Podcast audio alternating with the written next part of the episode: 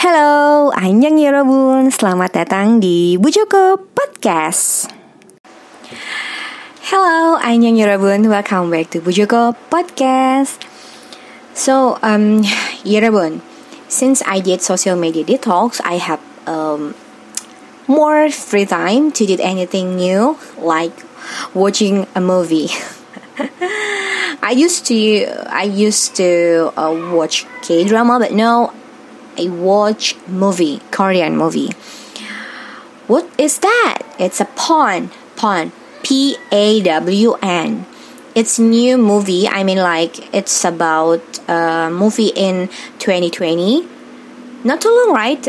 Um, you can search maybe in I don't know where, but yeah, just search P A W N pawn. Okay, jadi ya karena seperti yang tadi gue bilang bahwa semenjak gue melakukan detox sosial media gue akhirnya punya banyak waktu untuk uh, banyak waktu kosong selain melakukan aktivitas gue sebagai ibu rumah tangga gitu ya yaitu untuk nonton film.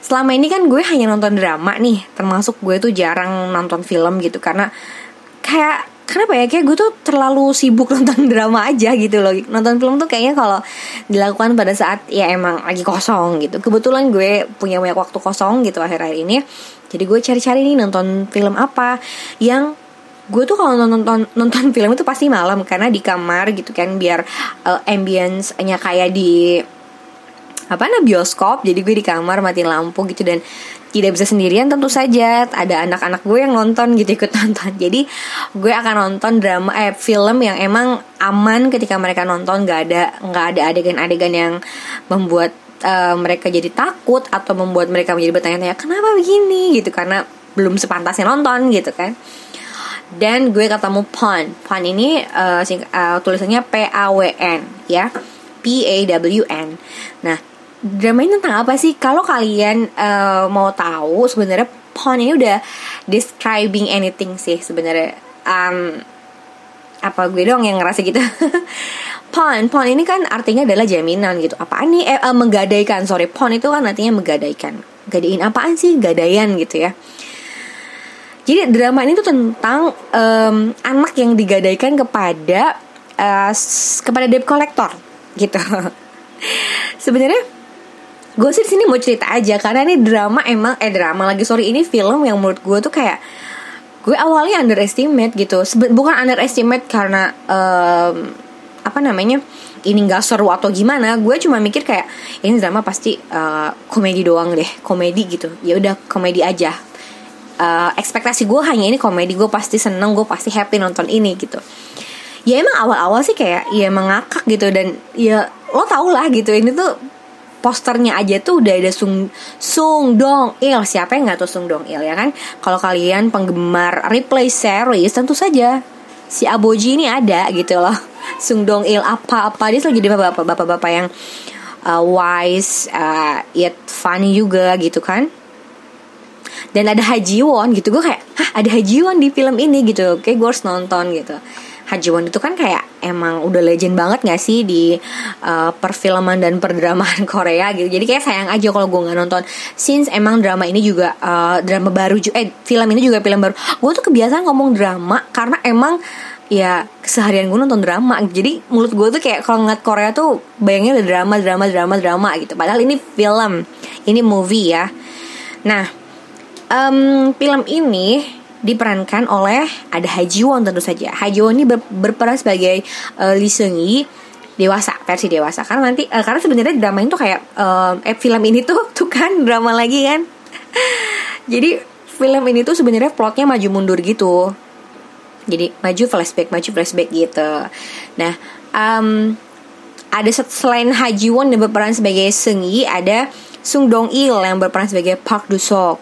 Nah Pak Dusok uh, ini ya debt collector gitu. Nah, semua itu berawal saat Haji Won jadi anak-anak. Masih kecil ya, masih kecil itu. Sengi waktu kecil itu diperankan oleh Park Soyi. Nah, dia cantik banget sih, si anak kecilnya cantik banget. Gue yakin kalau misalnya dia tetap uh, apa ya, jadi aktris gitu ya sampai gede dia bakalan sukses karena cantik banget gitu dan aktingnya bagus banget gitu ya. Nah, selain uh, Park Hye ada juga Kim Yoon Jin.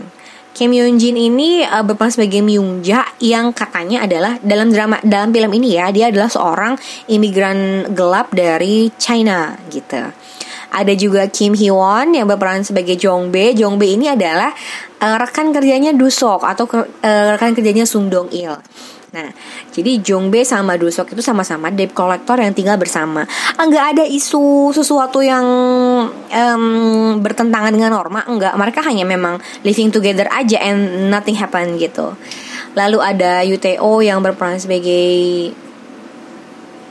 Yudokwa Terus ada Kim Jae-hwa berperan sebagai Madam Jo, Madam Jong dan lain sebagainya. Eh tapi tau gak sih gue kaget juga di drama di film ini gue ketemu Cha Chung Hwa yang berperan sebagai istrinya si ada bapak-bapak yang jahat itu. Gue kaget loh, kok ada yang Choi? Choi Sanggun. itu loh Choi Sanggun yang di Mr. Queen gitu. Gue kayak gue sampai aduh gimana ya gue ketemu dia dengan peran yang lain jadi di sini dia kayak figuran gitu ya nggak nggak banyak nggak banyak sinnya sih karena memang ini juga emang film gitu loh kalau drama sih nggak tahu ya tapi dia main di sini jadi itu membuktikan bahwa emang si Choi Sanggunnya emang artis yang hebat sih gitu. Nah balik lagi nih ke drama ke film ini ke Pon kenapa gue uh, gue minta teman-teman atau Yorobun untuk yuk nonton Pon yuk gitu. Pon itu karena emang um, kalau gue gue bilang awalnya kan ini seperti drama komedi eh drama seperti film yang genrenya komedi gitu karena emang lucu gitu kayak melakukan hal-hal yang kok nggak make sense gitu. Tapi ternyata ini sedih banget sedih banget gitu. Maksud gue bukan sedih yang uh, jahat atau gimana enggak. Ini sedih karena tuh apa terharu kali ya terharu gitu. Karena emang uh, ini tuh menceritakan tentang kasih sayang seorang ayah sama anaknya. Yang uh, juga sebenarnya si Pak Dusok di sini atau yang si Sundong Il yang diperankan oleh Sundong Il ini juga uh, dia di sini berperan sebagai orang yang belum nikah gitu belum nikah belum punya anak juga. Tapi dia tuh sangat keba kebapaan sama si uh, ke si Sengi ini gitu. Jadi Sengi ini kan digadaikan oleh ibunya karena utang ibunya. Jadi uh, ibunya itu si Myung Ja itu nih uh, datang sama suaminya dari China ke Korea dengan jalur yang uh, salah gitu kan. Jadilah mereka sebagai migran gelap. Lalu si suaminya ternyata selingkuh sama uh, warga negara Korea dan punya hutang. Tapi hutang itu atas nama si Myung Ja gitu. Akhirnya si suaminya nikah sama orang Korea lalu jadi warga negara Korea. Nah si ininya si Myung Ja-nya ini ibunya si Seungi ini dikejar-kejar Sudahlah mereka tidak punya kehidupan yang layak di Korea, dikejar-kejar hutang. Nah, utangnya itu ke perusahaan tempat Dusuk dan Jongbe bekerja, gitu kan. Dusuk sama Dusuk sama Jongbe itu bekerja sebagai debt collector. Nah, mereka akhirnya nagih nih, ayo ke Sim Young ayo bayar utangnya nanti deh besok besok gitu kan, tarsok tarsok gitu kan, kayak budaya di sini ya. nah, terus akhirnya karena uh, Dusuknya ini ini juga menurut gue ya pada kalau dalam kenyataan sih kagak boleh ya melakukan hal seperti ini gitu ini namanya juga film ya nggak Nah, Dusok ini menjadikan Seungyi ya udah gini aja deh. Kalau emang lo mau bayar nih Myungja utang lo besok bayar, tapi gue jadiin anak lo sebagai jaminan gitu. Jadi si Seungyi ini dijaminkan ke si Dusok gitu. Dengan uh, apa namanya dengan harapan oke okay, gue akan bayar utang lo besok gitu jam 9 nah Seungyi dibawa nih ke rumahnya si Dusok sama si Jongbe ya diurus dengan baik karena mereka nggak jahat. Jadi mereka bukan depolator yang jahat gitu enggak ini depolator baik gitu kan. Nah tapi pada saat mau janjian bayar Myung Jae ini ketangkep sama pihak imigrasi Korea dan dideportasi ke China.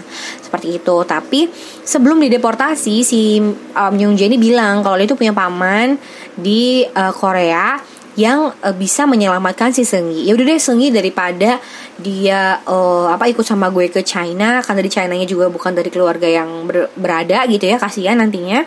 Mending di Korea aja kasih dia uh, ke keluarga kaya apa ya diadopsi gitu ya. Biarkan dia diadopsi oleh keluarga kaya supaya dia bisa kuliah dan lain sebagainya gitu.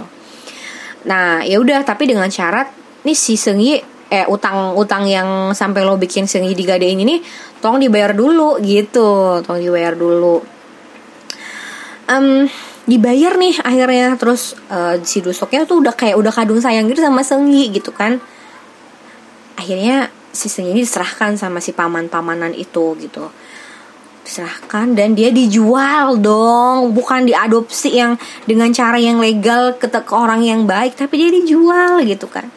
Ah sedih banget ya buat gue.